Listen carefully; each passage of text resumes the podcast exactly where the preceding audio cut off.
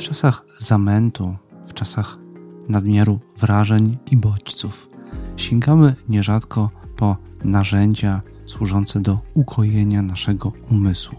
Jednym z takich narzędzi jest medytacja. Ale czy jest coś takiego jak medytacja specyficznie stoicka? Na to pytanie postaram się odpowiedzieć w dzisiejszym 70. odcinku podcastu ze stoickim spokojem, do którego wysłuchania bardzo serdecznie zapraszam.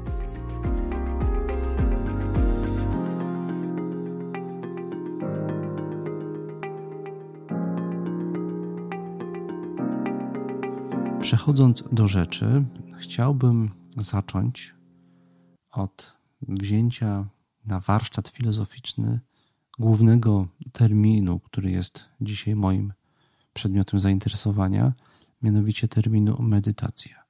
Już w pierwszym oglądzie widzimy bowiem, że na co dzień w naszej e, zwyczajowej komunikacji tego właśnie terminu używamy w wielu bardzo różnych znaczeniach, które trudno chyba sprowadzić do jakiegoś jednego wspólnego mianownika. Warto więc zacząć od zastanowienia się nad różnymi możliwościami znaczeniowymi tego terminu i zbadania zależności, jakie między tymi poszczególnymi znaczeniami zachodzą. I ja takie znaczenia, podstawowe znaczenia, albo powiedzmy grupy znaczeń, mówię o grupach, gdyż wydaje mi się, iż między nimi nie zachodzą ostre granice. Raczej jest to przechodzenie między jedną kategorią a drugą, przechodzenie dość płynne. No więc ja takich znaczeń podstawowych widzę cztery. Po pierwsze, możemy mówić o medytacji w znaczeniu religijnym. Dla niektórych będzie to znaczenie najbardziej podstawowe, najbardziej specyficzne i właściwe tego terminu. Po drugie, możemy mówić o medytacji w znaczeniu praktyczno-filozoficznym, gdzie mam tutaj na myśli przede wszystkim filozofię rozumianą jako sztuka życia i w ramach filozofii, szeroko rozumianej filozofii jako sztuki życia, pojawiają się działania, praktyki, które możemy śmiało określić mianem medytacja, chociaż e, zdaniem niektórych, zwłaszcza zapewne filozofów religii, jest to nieswoiste zastosowanie tego terminu.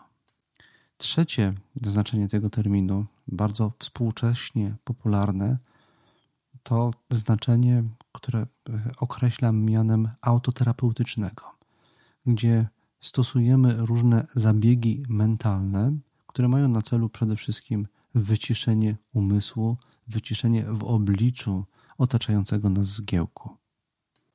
I w punkcie wyjścia przynajmniej tak uprawiana medytacja nie ma żadnych głębszych duchowych czy metafizycznych celów.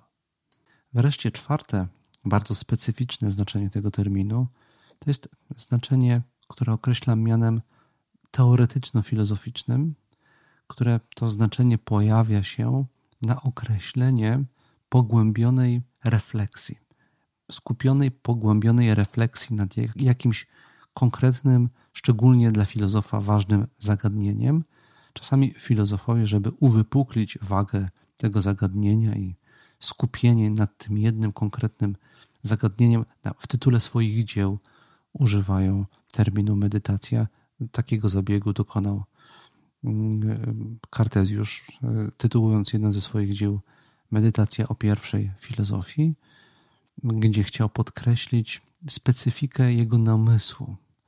Namysłu, którego istotą jest odcięcie się od wszystkich problemów na rzecz skupienia się, wyłącznego skupienia, gruntownego przebadania tego jednego wybranego tematu w postaci pierwszej filozofii, którą w tym przypadku była epistemologia.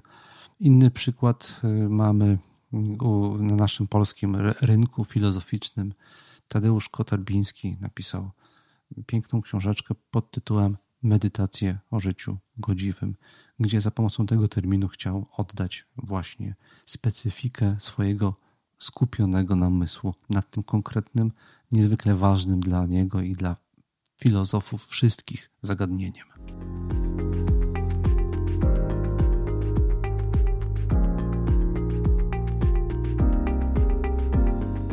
Powiedziałem, że między tymi znaczeniami zachodzą różne zależności, a w szczególności, że granice między nimi są nieostre, albowiem one często nawzajem do siebie prowadzą. Oto na przykład ten typ medytacji popularnej współcześnie, który, którą określiłem mianem medytacji autoterapeutycznym, może w efekcie stosowania specjalnych praktyk mentalnych, uważnościowych, wyciszających, dać nam tego rodzaju intensywne, duchowe, egzystencjalne doświadczenie, które nabiorą w naszym życiu specjalnego znaczenia, znaczenia duchowego, mm, quasi religijnego właśnie, y, co może osobę praktykującą uważność w ten sposób pchnąć na drogę dalszego rozwoju bardziej religijnego właśnie. Termin mm, medytacja w znaczeniu teoretyczno-filozoficznym też może nabrać innego sensu, to znaczy nabrać odcienia znaczeniowego z innego specyficznego typu rozumienia tego terminu. I tak na przykład, jeżeli sięgniemy do Arystotelesa, to zwrócimy uwagę na to, że on, o ile z jednej strony bardzo wyraźnie odróżnia od siebie filozofię uprawianą teoretycznie i filozofię uprawianą praktycznie, o tyle jednak uważał, że zwieńczeniem największą, najbardziej doskonałą postacią filozofii uprawianej teoretycznie jest kontemplacja najbardziej istotnych i mm, wybranych, ogólnych, abstrakcyjnych, filozoficznych zagadnień. I ta kontemplacja, mm, pogłębiona refleksja tych zagadnień u Arystotelesa jest pewnego rodzaju medytacją, która daje głębokie spełnienie duchowe i może być interpretowana już nie jako po prostu teoretyczne badanie, ale jako sama w sobie mm, skończona sztuka życia. Bo o sztuce życia i technikach, jakich ona używa, mówimy wtedy, kiedy jej celem jest osiągnięcie duchowego spełnienia, a więc takiego optimum, które jest możliwe do uzyskania przez człowieka w ciągu jego życia doczesnego. Podobnie nieostre granice występują między medytacją w znaczeniu religijnym, a medytacją w znaczeniu filozoficznym. Zacznę od podkreślenia fundamentalnych różnic. Wydaje mi się, że o medytacji religijnej możemy powiedzieć, że jest to zbiór różnych technik mentalnych, ćwiczeń wewnętrznych, duchowych, które mają na celu wprowadzenie naszego umysłu w specjalny, wyjątkowy, nadzwyczajny stan. Stan pozwalający, nam przekroczyć granicę między profanum a sakrum. A więc ma być to stan, który daje nam specjalny, uprzywilejowany wgląd albo jakiegoś rodzaju dostęp do wyższej, sakralnej, świętej, duchowej rzeczywistości. E, I w tych tradycjach religijnych, w którym występuje wyraźna różnica między sakrum a profanum, medytacja jest jednym z technicznych zabiegów, które ma umysł przygotować na przekroczenie tej granicy, na przejście między profanum, czyli zwykłym sposobem funkcjonowania, doczesnym sposobem funkcjonowania naszego umysłu, a, taki, a takim sposobem e, funkcjonowania naszego umysłu, w którym doświadczamy obcowania czy oglądu wyższej duchowej, sakralnej rzeczywistości. To ma miejsce w tych tradycjach religijnych, tak jak powiedziałem, w których istnieje wyraźne odróżnienie od siebie między sakrum a profaną. Ale mamy też oczywiście takie tradycje religijne, w których takie odróżnienie nie występuje. Mam tutaj na myśli na przykład buddyzm i niektóre inne filozofie wschodu. Wówczas mm, ma miejsce innego rodzaju przechodzenia, bo tam występuje inne rozróżnienie, mianowicie rozróżnienie na rzeczywistość realną i rzeczywistość pozorną. I ta rzeczywistość pozorna, którą nasz umysł na co dzień konstruuje, w której żyjemy niczym w Matrixie czy jakiejś klatce, dzięki technikom medytacyjnym ma zostać poddana procesowi dekonstrukcji i odsłonić przed nami prawdziwą rzeczywistość.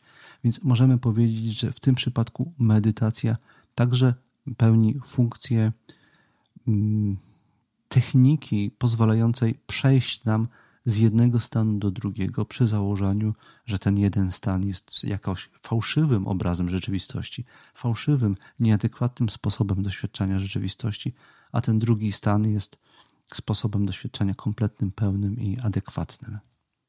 Tymczasem w medytacji rozumianej w znaczeniu elementu filozoficznej sztuki życia, a jedną z takich filozoficznych sztuk życia jest stoicyzm. Chodzi o e, zupełnie coś innego, przynajmniej w punkcie wyjścia, i teraz na tym chciałem się skupić.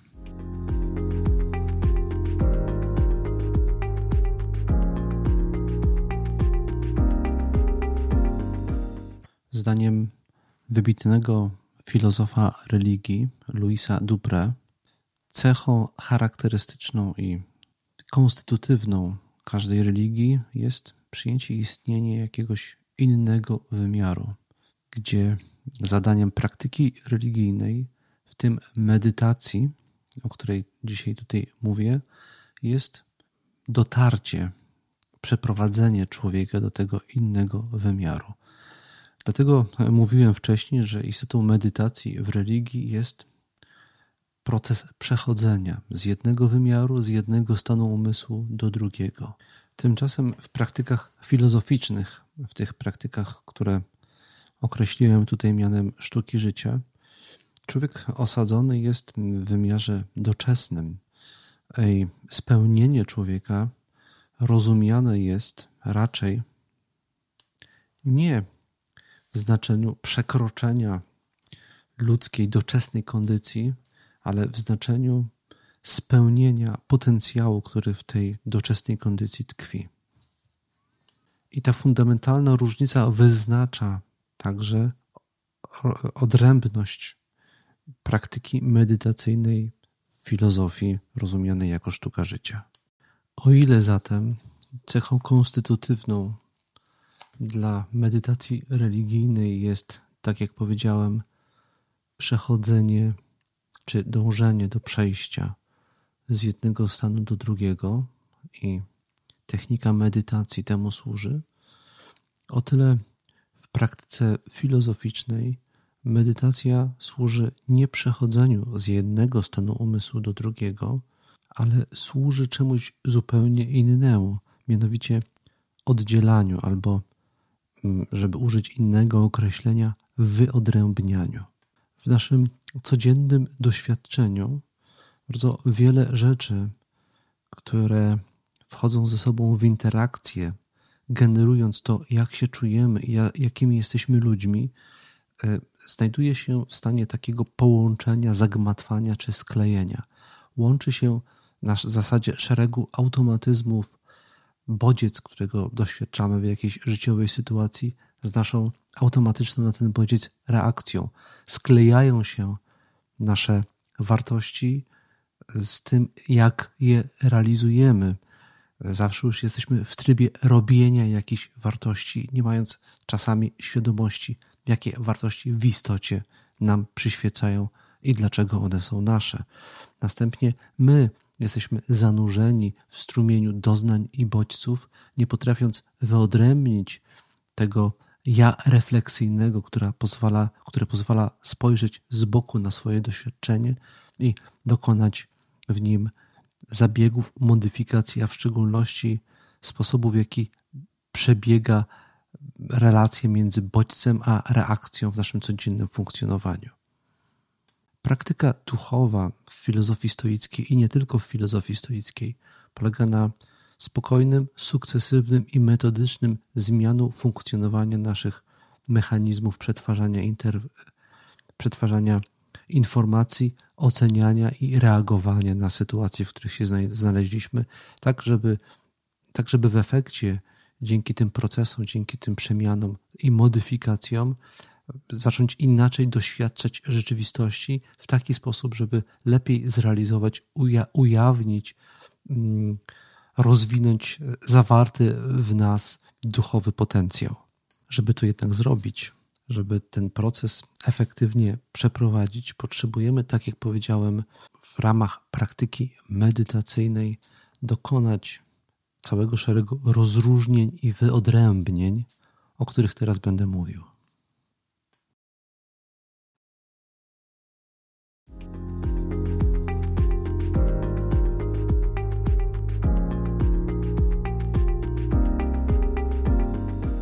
Żeby uchwycić istotę stoickich medytacyjnych wyodrębnień przyjrzyjmy się podstawowym formom czy praktykom stoickim, które sprzyjają pojawieniu się medytacji. Są trzy podstawowe formy takiej medytacji. Po pierwsze, jest to klasyczny stoicki rachunek sumienia, który ja od dłuższego już czasu określamy mianem, jak y, wiecie, moi słuchacze, przeglądu siebie. Po drugie, jest to stoickie doświadczenie lektury, specyficzny stoicki sposób czytania. Po trzecie, są to tradycyjne stoickie ćwiczenia, które wymagają pewnego wyodrębnienia, pewnego specyficznego nastroju czy nastawienia poznawczego, żeby je efektywnie przeprowadzić i przy niektórych ćwiczeniach stan, w który w ich trakcie wprowadza się stoik, należy określić mianem medytacyjnego.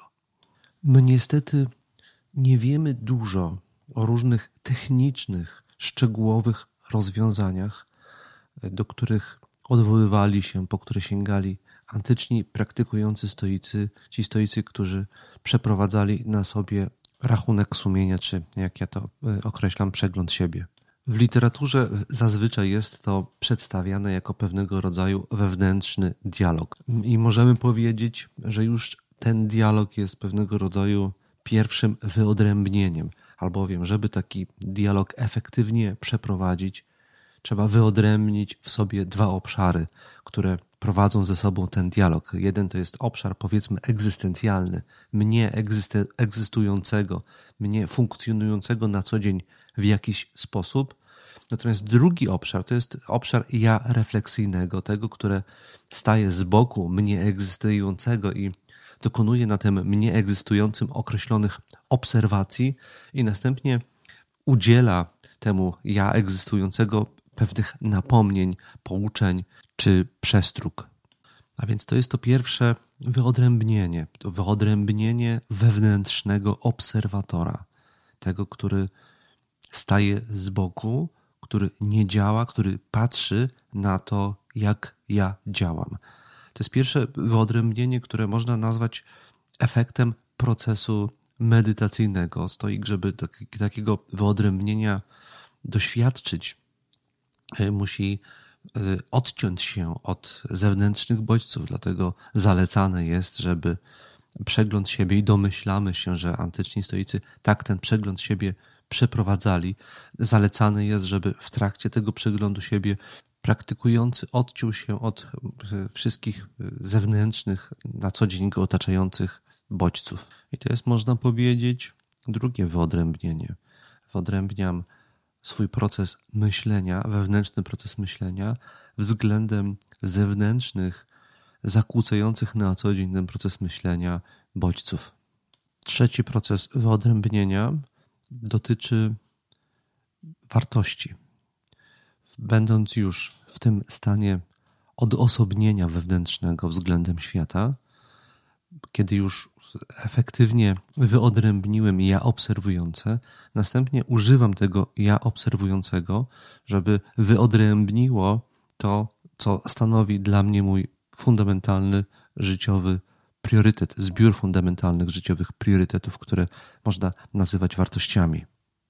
Człowiek ma zazwyczaj swoje cele ustanowione w sposób nawykowy i mglisty. Stoik dokonuje wyodrębnienia i wyabstrahowania tych celów i następnie na tych celach dokonuje wewnątrz siebie podczas porannych medytacji e, różnego rodzaju operacji. Wreszcie sądzę też, że można wyróżnić jeszcze jeden proces czy doświadczenie wyodrębniania czegoś. Chodzi mianowicie o wyodrębnienie tego, co wielu antycznych stoików, i ja to potwierdzam jako współczesny stoik, określa mianem aktu przyzwolenia. Używano w starożytności na ten akt przyzwolenia pojęcia synkatatesis, to jest grecki termin. W łacinie e, używano słowa adsensia, a my na język polski tłumaczymy to jako akt przyzwolenia. Wyjaśnię bardzo krótko o co chodzi. E, antyczni stoicy w ramach tej antycznej stoickiej psychologii uważali, dokonali, te, można powiedzieć, odkrycia, które po dziś dzień jest niezwykle ważne i nośne. Mianowicie, że my nie reagujemy automatycznie, naturalnie, bezpośrednio na bodźce, na które się w doświadczeniu codziennym napotykamy. My reagujemy przede wszystkim na to, jaki jest nasz do tych bodźców stosunek. I ten stosunek wyraża się w zachowaniach ocennych, taksujących to, co nam się przydarza. My zawsze jakoś w pierwszej kolejności oceniamy. Oceniamy to w dwóch podstawowych kategoriach. Po pierwsze, w kategorii poznawczej, to znaczy oceniamy, czy to się faktycznie dzieje i czym to jest, a po drugie, oceniamy stosunek tego do nas, czy jest to na przykład zagrożające nam, czy to jest coś dobrego, co, na co warto pozytywnie zareagować, czy to jest może coś złego, na co powinniśmy zareagować ostrożnością, czy jakąś inną formą negatywnej reakcji. A więc pojęcie przyzwolenie oznacza w tym przypadku po pierwsze zgodę na to, że to, czego doświadczam, jest, że jest czymś rzeczywistym, że jest czymś, co, ja, co jest takie, jak mi się jawi, albo co jest czymś innym, co ja mogę poznawczo skorygować. To jest pierwszy rodzaj przyzwolenia. Tak, zgadzam się, zdarza mi się to właśnie, co mi się zdarza. Drugi akt przyzwolenia to jest przyzwolenie na ocenę. I to się dzieje na zasadzie pewnych naszych odruchów. My automatycznie, zwyczajowo automatycznie to robimy. Stoicy uważają, że nie musimy, nie powinniśmy tego automatycznie robić, bo właśnie w tym obszarze, dokładnie, udzielania aktu przyzwolenia leży nasza wolność. I następnie w trakcie medytacji porannej stoi jedną z rzeczy, które ćwiczy i powinien ćwiczyć, a ja uważam, że to jest najbardziej podstawowa, dla mnie przynajmniej w mojej praktyce, forma stoickiej medytacji, to jest ćwiczenie w rozpoznawaniu aktu przyzwolenia. Chodzi o to, żeby wyodrębnić moment, wychwycić moment, w którym ja, mój system przetwarzania informacji, wydaje ocenę i dokonuje aktu przyzwolenia. Może to polegać między innymi na tym, że kiedy już znajduję się w tym wewnętrznym stanie wyciszenia, wyodrębnienia względem świata, kiedy już mam wyodrębniony ten, ten moduł wewnętrznego obserwatora i będąc w tym trybie wewnętrznego obserwatora, patrzę na siebie, na to, co na przykład poprzedniego dnia mi się wydarzyło, albo co mi się może dzisiaj wydarzyć, albo jak ja na co dzień normalnie funkcjonuję, kiedy dokonuję tego rodzaju wewnętrznych obserwacji, następnie mogę obserwować jeszcze jedną rzecz w sobie, wyodrębnić jeszcze jedną rzecz w sobie, jak ja reaguję na to, co sobie podczas takiego procesu wyobrażam. Jeżeli wyobrażam sobie jakąś scenę, która może mi się wydarzyć dzisiaj w pracy, y, a oto teraz jest na przykład ranek, szykuję się do wyjścia do pracy, prze, przemyśluję sobie w głowie, w tym trybie medytacyjnym różne możliwe sceny, jakie mi się wydarzą w pracy, y, mogę zaobserwować i próbować wychwycić ten, ten moment, w którym w obliczu określonej sceny mnie się zachciewa jakoś zareagować. I ten moment, w którym ja pozwalam sobie na tą reakcję, w, której, w której ja oceniam, co się dzieje i jak powinienem zareagować. To są dwie różne rzeczy. Coś się dzieje, ja reaguję, ja oceniam, co się dzieje i jak powinienem zareagować. Chodzi o wychwycenie tego momentu.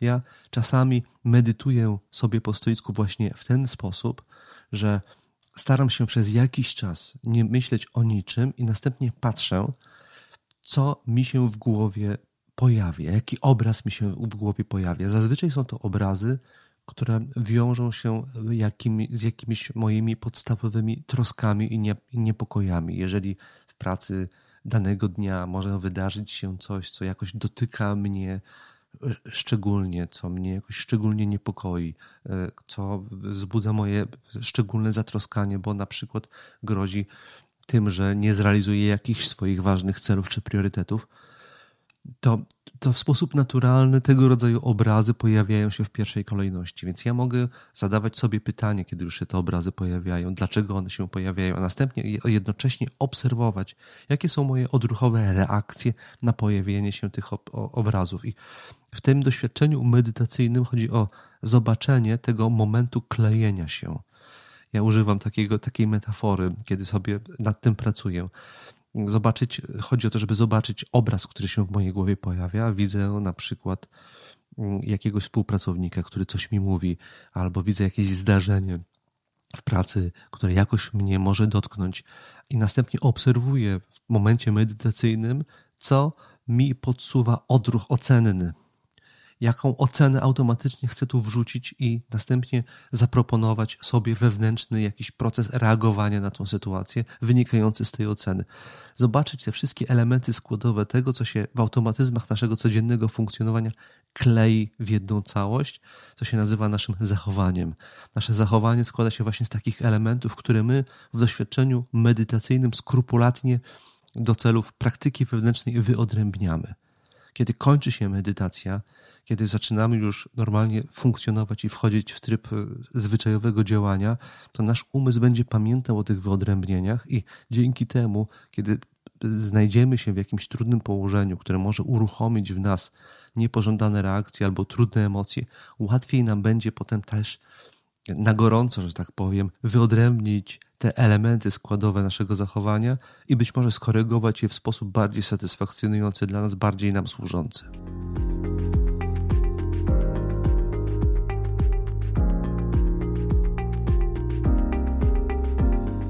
Podobne rzeczy możemy zaobserwować, podobne wyodrębnienia możemy zaobserwować w innych, z dwóch jeszcze dodatkowo tutaj podanych przeze mnie formach praktyki medytacyjnej w stoicyzmie. Jest to czytanie i tradycyjne ćwiczenia stoickie. Skupię się na tym czytaniu teraz jeszcze na koniec bardzo krótko. Więc w czytaniu wyobrażamy sobie, że chodzi o przyswojenie tekstu, treści tekstu, a więc, że nie dochodzi tutaj do żadnego wyodrębnienia, ale wiemy dobrze, chociaż za, za rzadko sobie to w ten sposób przedstawiamy, że czytanie także polega w punkcie wyjścia już na pewnego rodzaju wyodrębnieniu czy wewnętrznym podziale. Ja już tutaj kiedyś w jednym odcinku podcastu wspominałem o tym, że kiedyś ponoć tak nam o tym mówią źródła historyczne, kiedyś człowiek nie posiadał umiejętności czytania po cichu. Żeby zrozumieć, y, człowiek musiał usłyszeć czytany tekst, tak jakby on dobiegał, dochodził do niego z zewnątrz. Przyjęło się też w starożytności przeprowadzać tę operację w ten sposób, że inna osoba czytała, a inna słuchała. I ta pierwsza służyła do tego, żeby tekst odczytać, a druga miała za zadanie tekst zrozumieć. Takimi czytaczami tekstów w starożytności byli, przynajmniej w greckiej starożytności, często umiejący czytać niewolnicy i oni swoim panom czytali zwoje i ci panowie słuchając czytany tekst dopiero wtedy dobrze go rozumieli. Ewolucyjnie rozwinęliśmy umiejętność, przyswoiliśmy kulturowo, cywilizacyjnie umiejętność czytania po cichu, która to funkcja polega na tym, że ten czytający zostaje uwewnętrzniony. Głos czytanego tekstu, brzmienie czytanego tekstu jest uwewnętrznione i odbywa się w mojej głowie, a więc można powiedzieć, że proces czytania polega na wewnętrznym rozdzieleniu, podzieleniu dwóch wewnętrznych funkcji, oddzielenia tego, kto czyta i tego, kto słyszy to, co jest, jest czytane i w efekcie tego może to zrozumieć. Więc medytacyjna praktyka czytania w stoicyzmie to po pierwsze uświadomienie sobie tego wewnętrznego rozróżnienia, uświadomienie sobie występowania naraz w tych dwóch postaciach, czytającej tekst, odtwarzającej tekst w głowie i drugiej postaci, która go rozumie.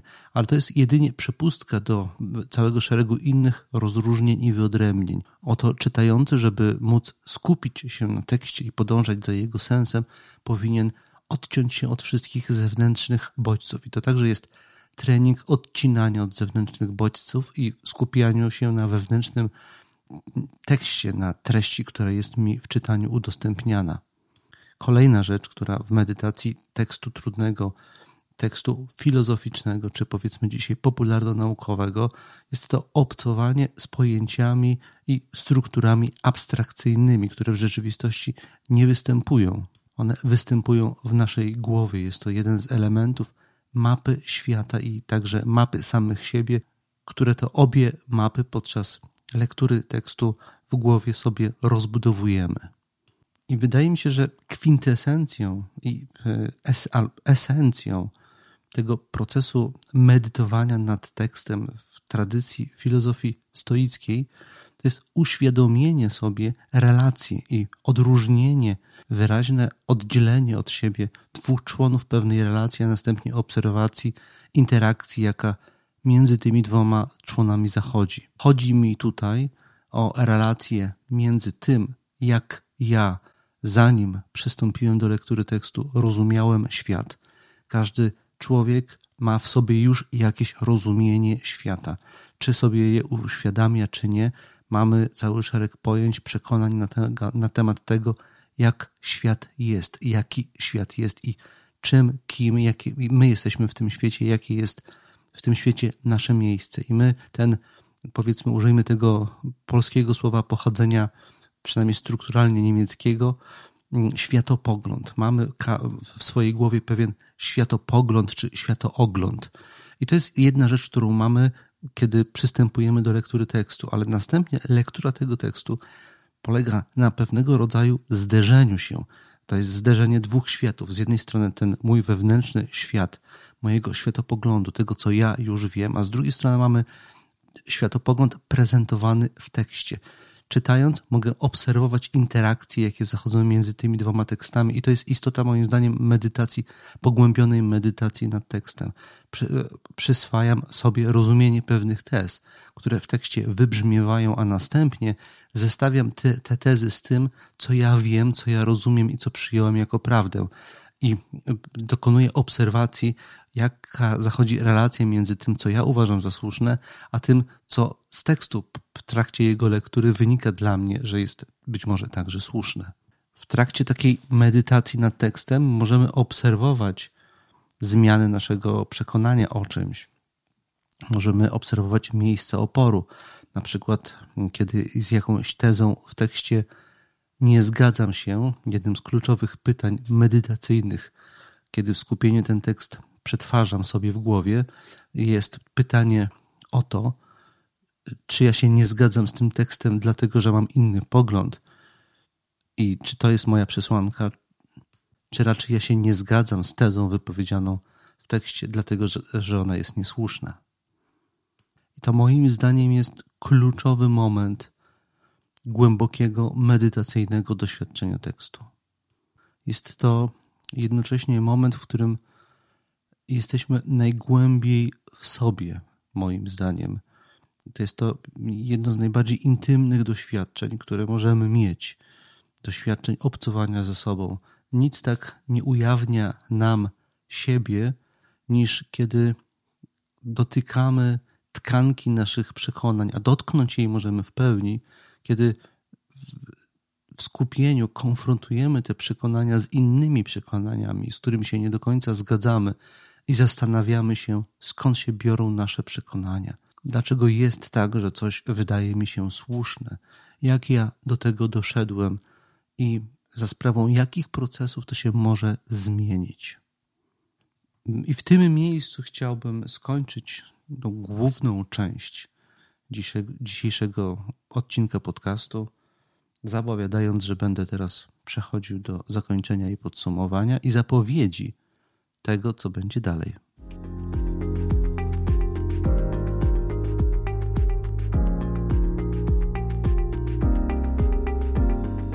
A zakończyć chcę trochę nietypowo, mianowicie cytatem z platońskiego Protagorasa, Protagoras jest to dialog, w którym Sokrates po raz kolejny konfrontuje się z filozofią sofistów, poddając ją oczywiście typowej dla Platona krytyce.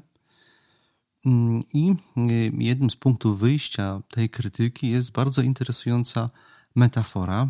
Otóż Sokrates porównuje przyswajanie wiedzy do przyswajania pokarmów, zwracając uwagę na pewną różnicę, jaka zachodzi w tych dwóch rodzajach przyswojeń.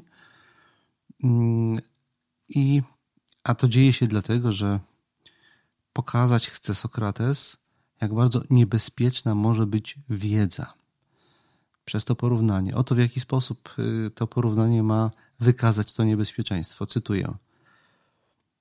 Albowiem większe nawet niebezpieczeństwo zagraża właśnie przy nabywaniu wiedzy niż żywności. Po nabyciu bowiem żywności lub napojów u kupca lub sklepikarza można je zebrać w osobnych naczyniach i przed wprowadzeniem ich do ciała jako pokarmu lub napoju można, odłożywszy je w domu u wezwanego znawcy, zasięgnąć rady, co się nadaje do jedzenia lub picia, a co nie, i w jakiej ilości lub czasie.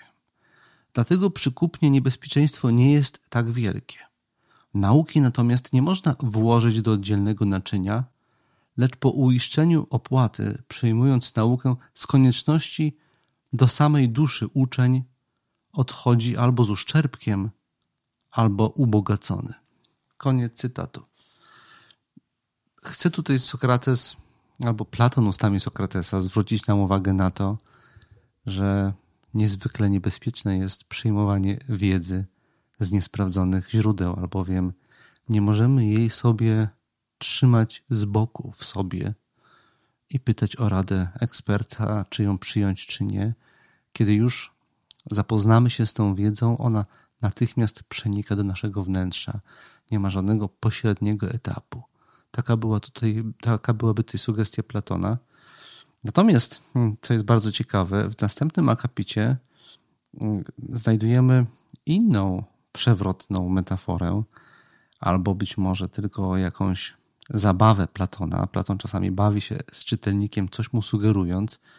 Mnie się wydaje, że to jest trochę coś więcej niż zabawa, albowiem oni, hmm, rozpoczęwszy rozmowę na temat sofistyki, na temat tego, czego właściwie uczą sofiści i czy to nie jest groźne, postanowili się najpierw, żeby tę dyskusję y, rozpocząć, przemieścić w inne miejsce, żeby wygodnie usiąść i podyskutować.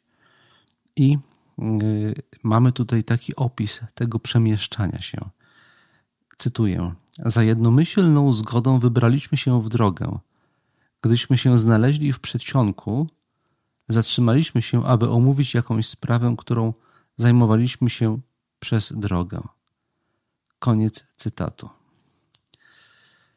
To jest charakterystyczne dla Platona, że po jakiejś metaforze albo po jakimś wywodzie są jakieś elementy akcji.